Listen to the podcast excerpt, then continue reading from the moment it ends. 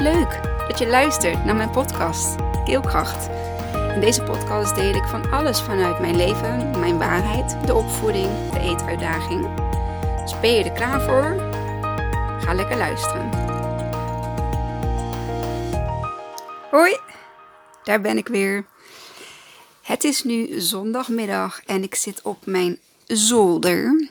Um, omdat ik eigenlijk wilde wandelen vandaag, alleen ik heb best wel een stukje gefietst. Samen met uh, Teersa, mijn dochter. En um, ja, wat hebben we gedaan? We zijn naar de kerk geweest. We zijn hier in Breda naar de Antoniuskerk uh, gegaan. En um, ja, hoe ik daarbij kwam, mijn schoonmoeder die gaat daar regelmatig, eigenlijk bijna iedere week naartoe. Uh, ze hebben verschillende diensten. Um, ik had een keer eerder beloofd dat ik mee, uh, een keer mee zou gaan. En uh, nou ja, goed, toen kwam het er niet van. Dan waren we te laat wakker. De dienst die begint namelijk al uh, om half elf op een zondag. En nu had ik gisteren of eergisteren bedacht van, oh, we kunnen best zondag eens gaan, want geen plannen. En, um, nou ja, goed ik had gezegd van, nou, we proberen zondag te gaan. En uh, zo was ik op tijd wakker, altijd natuurlijk. Um, ook op tijd klaar met mijn dingetjes te doen. En Teerza die was ook op tijd klaar.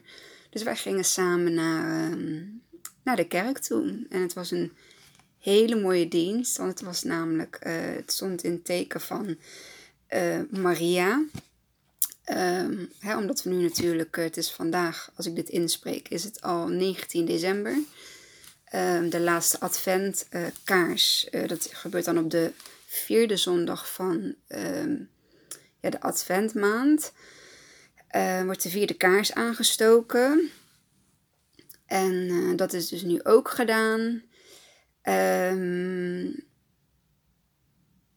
En dit stond dus in het teken van, van Maria, hoogzwangere Maria, die gaat bevallen van ja, kindje Jezus. Um, kort samengevat, wauw. het was net of dat ik juist deze dag daar speciaal um, had moeten zijn.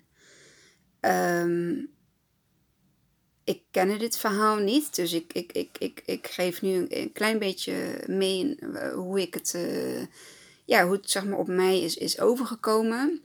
Um, het schijnt dat Maria hoogzwanger naar haar nicht uh, Elisabeth ging in uh, Bethlehem. En uh, Bethlehem is dus een heel klein, klein dorpje. Um, Maria is een, een hele normale Joodse jonge dame. Um, heel gewoon. verder niks mis mee of zo. Hetzelfde als haar nicht uh, Elisabeth. En het blijkt dus dat uh, God juist um, voor de kleine, dan zeg ik tussen aanhalingstekens, geen enkel mens is klein of um, uh, minder of iets. Um, Mika was dan de profeet die had voorspeld dat er in Bethlehem een, een man geboren zou worden. En die man uh, was heel bijzonder, want die man kwam vrede op aarde brengen. Um, hij kwam dus inderdaad op aarde. Hij werd uh, het kind van, van Maria. En um, groeide dus op in een doodgewoon ja, gezin. Um, Jozef die was herder.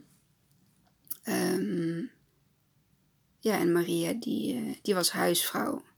Verder ken ik het verhaal niet hoor. Dus ik zeg gewoon puur wat ik in deze dienst uh, door de uh, pastoor. Eh, ja, wat ik, wat ik heb gehoord. En daarmee wilde God, zeg maar, juist de bijzondere gave van het brengen van vrede, wilde die aan de gewone uh, man meegeven. Uh, daardoor wilde hij hem daarmee uh, die ja, speciale gave geven. En door dat um, aan hem te geven, is dan het idee dat je zeg maar de, de, de, de hoogmoed, de, de, de rijke mensen, ehm, de mensen die zich beter vinden zeg maar, dan de rest, om daar zeg maar de troon van af te nemen. En als je dan een klein beetje het verhaal kent, ik ken het natuurlijk al een heel klein beetje het verhaal van de Bijbel, ehm, is het dus zo dat uh, Jezus op een gegeven moment ja, gezien werd uh, door de Romeinen als um, een gevaar, um, als niet goed, omdat hij blijkbaar echt die bijzondere gave had om mensen te genezen, om mensen uh, om vrede te, te brengen en, en te bewaren op aarde. Um, en dat zat niet, ja, dat stootte tegen het verkeerde been van de Romeinen. Dus volgens mij heeft Julius Caesar toen uiteindelijk um, hem als, uh, uh, hoe heet dat? Als, um, ik kan niet op het woord komen. Crimineel, zeg maar, um, gekruisigd. Um, wat ik daarvan vind, is dat, dat zien we dus ook in deze tijd. Dat mensen die juist de mooie dingen op aarde willen brengen, um, dat die als een gekkie of een, of een vreemde eend in een bijt of een wappie of nou ja, wat dan ook uh, worden gezien, omdat ze een ander geluid uh, laten horen. Um, iets wat niet iedereen gewend is, iets wat niet iedereen heeft meegekregen vanuit zijn opvoeding, vanuit het groot worden. Um, voornamelijk begint dat inderdaad bij, uh, bij, de, bij de opvoeding thuis, bij de band tussen moeder en kind. Of tussen vader uh, en kind. Um, want als jij geen liefde hebt meegekregen, ja, hoe kun je dat dan aannemen van iemand anders? En hoe kun je dat dan geven aan iemand anders? Dat is even um, de kleine boodschap die ik in deze uh, intro uh, zeg maar met jullie mee wil geven. Is um, zie niet degene die um, vol liefde praat, die vol vertrouwen praat, die, die het goede in ieder mens ziet, die, die, die het, echt het licht wil laten zien, laten stralen, het licht wil zijn. Zie die persoon niet als een gekkie of als een wappie of ja, geloof in diegene dat hij het um, op zijn of haar manier echt ziet en het wil brengen. En um, dat het er ook mag zijn. En dat die persoon ook gewoon gewaardeerd en gerespecteerd wordt in hetgeen wat hij uh, of zij uh, wilt overbrengen. En tuurlijk heb je er ook fakes tussen zitten of mensen die het gebruiken ergens voor. Ja, daar heb je een bepaalde radar voor nodig of een bepaalde sensor, zeg maar, om dat, uh, om dat te voelen.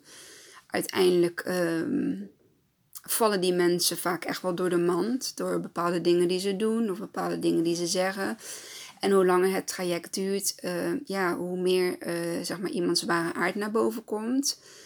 Um, dus voel het ook gewoon vooral aan, maar ga niet op een eerste indruk of op een eerste oordeel af, zeg maar. Um, die kan juist zijn, maar je kan je soms ook gewoon vergissen. En ik denk dat wij het juist nodig hebben. En dat is denk ik ook het hele, ja, psychologisch spel, uh, wat er een soort van gespeeld wordt om mensen maar in boosheid, in angst, in, in, in, um, in die lage frequentie te laten zitten. Uh, daarmee uh, voorkom je dus dat die mensen hè, juist gaan vertrouwen of juist gaan liefhebben of juist hoop kunnen hebben. Um, en wat we juist willen in deze tijd is dat we allemaal um, met beide voeten op de grond, om in Roberts woorden te spreken, um, gaan stijgen naar die hogere frequentie, naar, die, naar, die, uh, naar dat gevoel van liefde, naar dat gevoel van vertrouwen, naar dat gevoel van hoop. Um, dat het allemaal goed komt. En als we dat met een heel groot collectief kunnen doen en kunnen bereiken, ja, dan gaan er ook hele mooie dingen gebeuren. Uh, ik denk dat we het allemaal gewoon in eigen hand hebben. En um, ook ik maak me wel eens schuldig aan ja, sarcastische berichten. Of uh, uh, dat ik me iets te veel mee laat slepen in, in, ja, in de negatieve berichten. Misschien niet te veel, maar ja, wel dat ik dan ook op een gegeven moment mezelf even een halt toeroep van, oh stop Kimmy, dit was, ehm, eh, dit was eventjes genoeg. Nu gewoon weer back to business. En eh, verder met, ehm, met het leven. Maar dat wil niet zeggen dat ik mijn kop in het zand steek en dat ik niet bepaalde dingen zie, voorspel of voorzie. Um, en het is oké als je daar een gezonde balans in kunt vinden. Dan denk ik wel dat je, dat, dat je daarmee verder komt. Wat ik nu in ieder geval wil delen, en dat is wat ik jullie al een tijdje geleden heb um, gezegd en, en beloofd, is dat ik op het moment dat mijn verhaal of ons verhaal van Isa en mij in het nieuwsblad van Nee Eten zou komen te staan, dat verhaal wat ik dus toen heb moeten schrijven, uh, dat ik dat dan voor zou lezen. En het moment is daar. Ik had nog niet echt een gekozen onderwerp uh, voor deze podcast. En toen gisteren het nieuwsblad in, uh, in mijn uh, brievenbus viel op de deurmat, toen dacht ik: hé, hey, ik heb ineens een onderwerp voor morgen. En geloof me, ik heb echt honderden, alleen ik moet daarin selecteren. Um, anders zou ik iedere dag kunnen podcasten. Maar dat geeft uh, te veel werk en ja, het is oké nu nog steeds met één keer, één keer in de week. Um, dus ik ga tussendoor even bladeren. Dat ga je horen. En dan ga ik het verhaal voorlezen. Het staat op de voorpagina. Mm, je kunt op mijn uh, post um, deze week ga ik hem plaatsen. Kun je het verhaal zien en lezen. Dus onze foto's erbij. En de tekst erbij. En op de voorpagina staat dus de eetuitdaging van Isai. Echte vooruitgang tijdens de lockdown. Dus weet je, je mag alles uh, van een lockdown vinden. Maar de lockdowns, geloof ik, die zijn er niet voor niks. Die worden ons gegund um, om weer nader tot onszelf te komen. Om weer um, afscheid te kunnen nemen van externe geluksmakers, um, conditioneringen, daar waar we allemaal zeg maar, mee zijn grootgebracht om te kunnen reflecteren, om te kunnen ventileren. Um, door nu echt te kijken van wat er nu belangrijk voor me is. En um, dat vrijheid in jezelf zit en geluk ook in jezelf zit. En dat het niet afhankelijk is van externe factoren. Um, ons verhaal staat op bladzijde 9 van het tijdschrift. En daar ga ik nu eventjes naar doorbladeren. Er staan hele mooie dingen in hoor. In uh, het nieuwsblad van Nee Eten. Even zien, hier ben ik bij ons verhaal. hele mooie foto van ons viertjes. En dan heet het uh, inderdaad de eetuitdaging van Isai. Um, voor dat woord, de eetuitdaging, ben ik uh, wel bijna gelyncht. tussen aanhalingstekens. Um, ik heb dat toen een keer kenbaar gemaakt in een van de, de groepen waarin ik zit met betrekking tot um, eet, de eetstoornis en, en eetproblematiek. En toen werd ik gelincht doordat ik het woord eetuitdaging gebruikte. Maar ik ga het voorlezen, dus dan kun je ook zien waarom ik het gebruik en waarom andere mensen er moeite mee hebben. Wat ik natuurlijk ook wel begrijp, maar het is mijn verhaal, het is mijn kind en het is mijn keuze welke woorden ik gebruik. Dus dat gezegd hebbende ga ik hem voorlezen. De eetuitdaging van Isai. Kimmy over de eetuitdagingen die ze met haar zoon heeft doorstaan. Persoonlijk heb ik een hekel aan het woord eetstoornis. Ik vind het zo negatief klinken, alsof er iets mis is met onze zoon. Ik noem het liever een eetuitdaging want ik vind dat er niets mis met hem is. Hij durft alleen nog niet zo goed te eten, waardoor hij afhankelijk is van het blende diet. Hierdoor zeggen anderen dat ik het bagatelliseer. Dat is niet zo. Ik snap ouders die blij zijn dat er eindelijk een diagnose voor deze problematiek is, namelijk ARFID, Avoidant Restrictive Food Intake Disorder, onlangs opgenomen in de DSM-5. In ons verhaal vervang ik eetstoornis dus graag door eetuitdaging. Een uitdaging is een taak die heel moeilijk te verwezenlijken is. In Isai's geval is dat eten. Op dit moment is hij vijf jaar oud. We draaien in dit verhaal even een rewind naar mijn zwangerschap. Rond de twintigste week. De twintig weken echo bleek niet helemaal goed te zijn. Het hoofdje van Isai was te klein. Vanaf dat moment veranderde mijn onbezorgde zwangerschap in een bezorgde zwangerschap. Daarna kreeg ik nog diverse echo's waarvan de laatste goed bleek te zijn. Maar nog steeds had ik een stressvolle zwangerschap, ook doordat ik al twee maanden voor en gedurende de zwangerschap niet doorsliep. En de zorg nog droeg van onze, Teerza, van onze dochter Teerza, toen net drie jaar geworden. Na een toch wel complexe bevalling in het ziekenhuis was hij dan eindelijk een gezonde jongen, weliswaar met een te laag geboortegewicht voor 39,5 week. Dismatuur. Maar zijn hoofdje was goed. De voeding lukte direct en we konden na twee nachten gelukkig naar huis. Hadden een kleine lieve jongen die goed at, weliswaar kleinere, maar meerdere porties en goed groeide.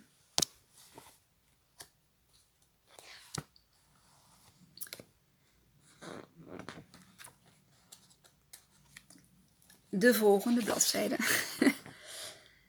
Reflux. Rond de zes weken kreeg hij helaas de krampjes. Vanaf dat moment tot hij tien maanden oud was, heeft hij last gehad van reflux, die daarna waarschijnlijk verborgen reflux is geworden. We kregen advies om vette voeding te geven voor zijn wat lichter gewicht. Maar vette voeding verergert de reflux. Het maagzuur kan hierdoor in de longen terechtkomen, waardoor weer een luchtinfectie ontstaat. Zo belandde hij in een visieuze cirkel van reflux, luchtweginfecties en uiteindelijk failure to thrive. De diagnose voor kinderen die niet voldoende in gewicht toenemen. Zijn groei was verder goed, in zijn eigen lijn bij het consultatiebureau.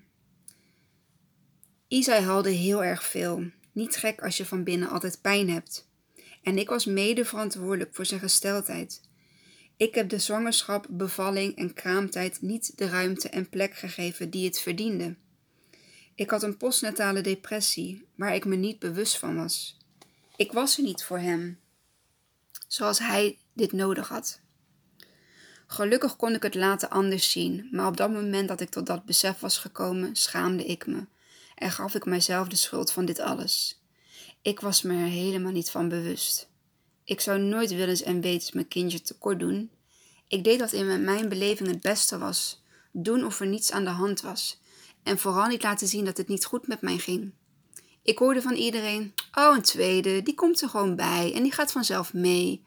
Mijn ervaring was zo anders. Het was voor mij nog een verantwoordelijkheid erbij in mijn al zo drukke leven. Toen nog een leven met perfectionisme en controledwang. Het eerste jaar was zwaar. Isa sliep bij ons op de kamer en sliep tot zeven maanden niet door. We wisten niet dat het nog zwaarder zou worden. Toen hij negen maanden oud was, kreeg Isa zijn eerste benauwdheidsaanval. We gingen naar de huisartsenpost om dit te laten checken, want het ademen ging heel zwaar en ik vertrouwde het niet. Bij de huisartsenpost aangekomen werden we niet met spoed behandeld en hebben zo'n dik uur in de wachtkamer gezeten. Toen we aan de beurt waren, werd Isa bekeken en werd er heel luchtig over gedaan. Ze stuurde ons naar huis met een puffer en een achteraf gezien belachelijke voorzetkamer voor volwassenen. Het verlengstuk van de inhalator. Gebruik maar indien nodig. Als leken gebruikten wij, dit dus, gebruikten wij dit dus indien wij dachten dat het nodig was. Niet wetende dat dit tot een tweede aanval zou leiden, die bij Isai bijna noodlottig zou worden. Ja, dan staat je hele leven, je hele wereld even stil. Het enige wat je wilt is dat hij overleeft en er goed uitkomt. Gelukkig brachten de kundige ambulancemedewerkers, verplegers en artsen hem in korte tijd weer op een hoge saturatie, het zuurstofgehalte in de rode bloedcellen, tussen de 95 en 100 procent. Na twee dagen opname mochten we weer naar huis.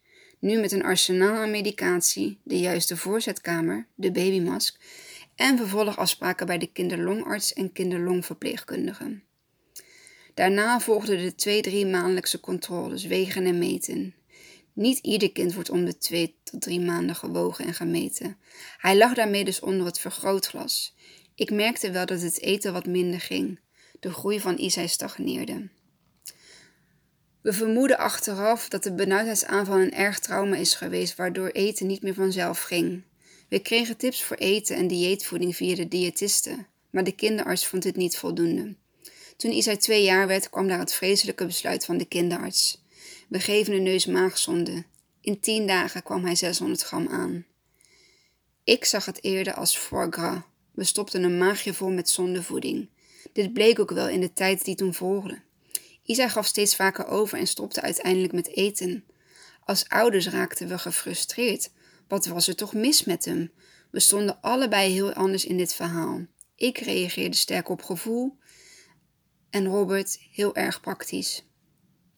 We raakten uit het systeem bij de diëtist. Daar was geen opvolging meer. Bij de kinderarts voelde ik me sinds zij de neus-maagzonde erin liet plaatsen niet meer serieus genomen. Het vertrouwen was weg.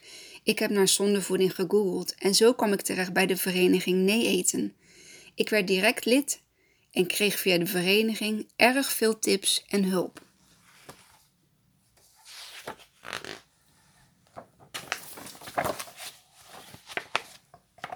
We hebben maanden getopt met Isai. Zijn voeding en het overgeven dat van kwaad tot erger ging. Totdat hij, pas, totdat hij in maart opgenomen werd omdat hij bloed overgaf. Pas toen werden we serieus genomen. Wat bleek? Hij had een bacterieinfectie. Ik had gezegd dat ik het ziekenhuis pas zou verlaten als zij dit opgelost hadden. Uiteraard konden zij dit niet. Ook stond ik op het plaatsen van een pechzonde. Isa liep al zes maanden met een neusmaagzonde en om de zes weken moest hij een traumatische zondewissel ondergaan. In de houtgreep op de eettafel, terwijl die zonde er door de kinderthuiszorg in werd geduwd. Ik wilde een doorverwijzing naar een e-team, want wij wisten het ook niet meer. De doorverwijzing kregen we. Die pechzonde kregen we vier maanden later gelukkig ook. Ik was al een beetje met het blended diet begonnen. Toen Isa de pech kreeg, kon ik wat meer proberen. We zagen wel wat vooruitgang met de pech, maar zodra het herfstseizoen aanbrak, ging hij vaker spugen. Het ging het jaar daarop eigenlijk pas echt beter, tijdens de eerste lockdown, corona-lockdown. Ik ging compleet over naar het blended diet en dat was een echte vooruitgang. Zelf het eten voor je kindje maken met gezonde, echte voeding en dit handmatig met de spuit en, bolus toedienen. En ja, soms hebben we nog wel eens dagen dat het wat minder gaat en hij moet overgeven. Maar dit gaat voorbij. We kunnen er nu beter op inspelen en Isai kan al heel veel beter communiceren. Toch zit de spuugreflex die hij heeft ontwikkeld er nog wel in. De lockdown heeft zoveel mooie dingen gebracht in ons gezin, vooral veel rust, omdat er geen controles, therapieën en dat soort zaken meer waren. En Isa ging ineens kleine hapjes eten. Het begin is er. En wat zijn we trots op hem. Het is vooral nog pizza, friet, pasta, frikadel, knakworst of een wit bolletje. Maar dat maakt ons echt niet uit. Hij krijgt zijn uitgebalanceerde voedingswaarde via het blended diet. Isai gaat kleine stapjes vooruit en soms ook weer stapjes achteruit.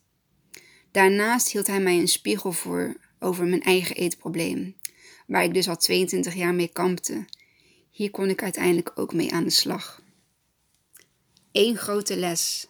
Als ik aan het begin wist wat ik nu weet, had ik het zeker heel anders aangepakt. Maar ik geloof nu eenmaal in een holistische kijk op alles wat zich aandient in mijn bestaan. Alles is een les. Het leven zie ik als één grote les. Wat heb ik allemaal gedaan om Isai te laten eten? Je kunt beter vragen: wat heb ik niet gedaan? Ambulante eettherapie thuis, eettherapie bij het eetteam, osteopathie, hypnotherapie via mij, EMDR, healing music, mediteren, en ik geloof dat dit zeker, dat dit alles zeker zijn bijdrage heeft gehad aan deze reis. Maar de oplossing, die heb ik niet. Anders was hij nu van de zondevoeding af. Ben ik klaar? Nee, ook nog niet. Er staat nog een familieopstelling op mijn to-do-lijstje en hypnotherapie voor Isai zelf. Ik weet nog dat onze kinder-MDL-arts zei: Waarschijnlijk zal je nooit weten waarom. Ik beloofde toen aan mezelf: Dat denk ik wel. ben ik er al aan uit. Dat waarom? Ik ben al een heel eind op weg. Ik ben bereid geweest om te reflecteren, om naar mezelf te gaan kijken, om mijn eigen eetprobleem te erkennen. Op een hele andere manier te gaan kijken naar mezelf, de kinderen, Robert en naar ons als gezin. Waarom Isa eten nog steeds uitdagend vindt? Ik weet het niet. Waar ik wel op vertrouw, is dat het eten zeker goed gaat komen. En natuurlijk zou ik willen dat eerder nog vandaag dan morgen is. Maar ik heb daar geen invloed op. Dit is Isai's pad en mijn taak is om er voor hem te zijn, hem te begeleiden, te steunen, te vertrouwen. en onvoorwaardelijk van Hem te houden. Daaronder staat dan uh, een klein uh, blokje. Kimmy is in december vorig jaar de podcast Keelkracht begonnen. Hierin deelt ze veel over de eetuitdaging. Keelkracht is op diverse gratis podcastplatforms te vinden. Ja, dit is ons verhaal in het uh, ledenblad, verenigingsblad van de vereniging Nee Eten. En dit verhaal heb ik een week of even zien, 7 november was de deadline. Dus ik heb het 6 november heb ik het verhaal ingestuurd. We zitten nu vandaag um, dat ik dit inspreek op 19 december. Um, je wilt niet weten wat er in de tussentijd aan, aan, aan, aan vooruitgang bij Isa is, uh, is gebeurd. Het, ja, waanzinnig. Waanzinnig de stappen die hij heeft gezet, die hij heeft gemaakt. En ik weet nog dat ik vorig jaar de intentie voor 2021 had uitgezet dat um, Isai ging eten. En daar kan ik een dikke vette check achter zetten. Want ja, hij is dit jaar gaan eten. Broodjes knakworst. Um, dus al wat meer dan daarop staat. Pannenkoek. Um, uh, melk drinken. Uh, peperkoek is er weer bijgekomen. Stap voor stap komt ieder weer, iedere keer weer wat bij. En ik denk dat hij volop in de vertrouwmodus is gaan zitten. Maar ik denk ook dat mijn, um, um, mijn openheid, mijn eerlijkheid, mijn uh, toelaten, um, mijn erkenning naar uh, mijn eigen problematiek, mijn familiesysteem, mijn plek in mijn familiesysteem, het doorgeven van uh, bepaalde aandoeningen um, alleen maar het zien daarvan en het te laten zijn, daar geloof ik heel erg in. Dat dat, um, dat, dat mee heeft geholpen in, uh, in Isai zijn, uh, ja, in Isai zijn vooruitgang, in, uh, in het weer terug naar, naar zelf eten. En ja, je kunt er wat van vinden. Weet je, dit is ook gewoon mijn waarheid en dit is hoe ik het voel en hoe ik het zie, maar dus toch ook echt het bewijs ervan zie bij Isai. En niet dat ik per se bewijs nodig heb, maar het klopt gewoon allemaal. Dat wat ik van tevoren dacht, dat klopt. En het enige wat ik daarvoor heb moeten doen is om de waarheid te, te zien en te erkennen. Um, en die uit te spreken. Al is het alleen maar naar mezelf um, of naar Isai toe. Um, hij heeft daar recht op. Dus ik wil hiermee jou, dat heb ik al in eerdere podcasts gevraagd, ik wil hiermee jou ook uitnodigen om naar jezelf te kijken, om jouw waarheid te kunnen zien, te kunnen erkennen, het er te laten kunnen zijn. En dat wil niet zeggen dat je net als mij het over de bühne hoeft te gooien. Um, absoluut niet. Iedereen doet dat op zijn of haar eigen manier. Maar al is het alleen maar voor jezelf en voor jouw kindje, als, hè, als dat in lijn staat met, met iets van jou. Um, iets van jouw vader of moeder, iets van jouw voorouders, grootouders. Um, het moet gezien worden. En als jij je nu daartoe geroepen voelt, als jij daar nu klaar voor bent om um, dat stukje van jezelf er te laten mogen zijn, dan weet ik zeker dat jij over een tijd terugdenkt aan deze podcast, aan dit moment. En dat er een aha komt en dat er daarna hele andere mooie dingen zullen gebeuren. Dus dat is eigenlijk wat ik, uh, wat ik wilde delen en uh, waar ik ook mee ga afsluiten. Um, ja, ik heb tegenwoordig een eindtune, dus ik hoef uh, niks meer te zeggen over het delen en alles. Maar ik wil je wel, wel heel graag bedanken voor het luisteren naar. En um, de volgende podcast komt dus na de kerst. En dan ga ik gewoon delen wat, um, hoe de kerst is geweest, of hoe afgelopen week is geweest, of ehm, hoe mijn eerste weekje in lockdown uh, is geweest. Want uh, die is ook gisteravond aangekondigd, lockdown. Daar wil ik nog een klein dingetje over delen. Vrijheid en geluk zit in jouzelf. Het zit niet in de externe dingen. Het zit niet in spullen. Het zit niet in etentjes bij in, in het restaurant. Het zit niet in, um, um, in sporten. Um, in de sportschool. Het zit niet in uh, de muziekles. Of uh, het zit niet in het gaan naar school toe. Geluk en vrijheid zit in jouzelf. Als jij jezelf als een soeverein, autonoom mens ziet, dan zit geluk echt in jouzelf. En um, het is mooi om van dingen gebruik te maken, waardoor jij dus uh, dat hè, dat soort uh, uh, momentjes kunt, kunt zien. Maar het is ook mooi dat je het gewoon van binnen kunt voelen en zien. Um, door um, ja, juist in, in, in een klein gezelschap te zitten. Door juist eten bij jou op jouw eigen tafel te kunnen zetten. Door juist uh, je niet hoeft druk hoeft te maken of je een QR-code moet laten zien of niet. Um, door juist een keer niet met je QR-code te hoeven zwaaien. Um, omdat je voelt dat iedere keer wanneer je moet laten zien, dat het toch een gaar gevoel geeft. Dat je pas ergens welkom bent op het moment dat je een code laat zien. Mm, gebruik deze periode voor zelfreflectie. Um, voor weer een laagje bij jezelf af te kunnen pellen. Door weer een stapje dichter bij uh, jouw eigen kern te kunnen komen. En ja, mocht je daar hulp bij hebben, mocht je me daar een berichtje voor willen sturen, dan mag dat natuurlijk altijd. Ik uh, probeer altijd uh, van een ja, tip of een advies of een antwoord uh, te voorzien. Dus dat. Nou, dankjewel voor het luisteren en tot de volgende. En ik wens je hele, hele, hele, hele fijne kerstdagen. Um, in liefde, in licht. Um, met de mensen om je heen die ontzettend veel van je houden. Die nog steeds van je houden en die nog steeds met jou willen zijn. Um, hoe je ook uh, in het leven staat en hoe je ook tegen bepaalde dingen aankijkt. Dankjewel, tot de volgende. Doei doei! Wat leuk dat je tot het einde van mijn podcast hebt geluisterd. Vond je het leuk, inspirerend? Dan deel hem alsjeblieft met mensen om je heen. Of post hem op je social media en tag mij daar dan in. Dan zie ik dat je hebt geluisterd en dat vind ik ontzettend leuk om te weten. Dankjewel en tot de volgende.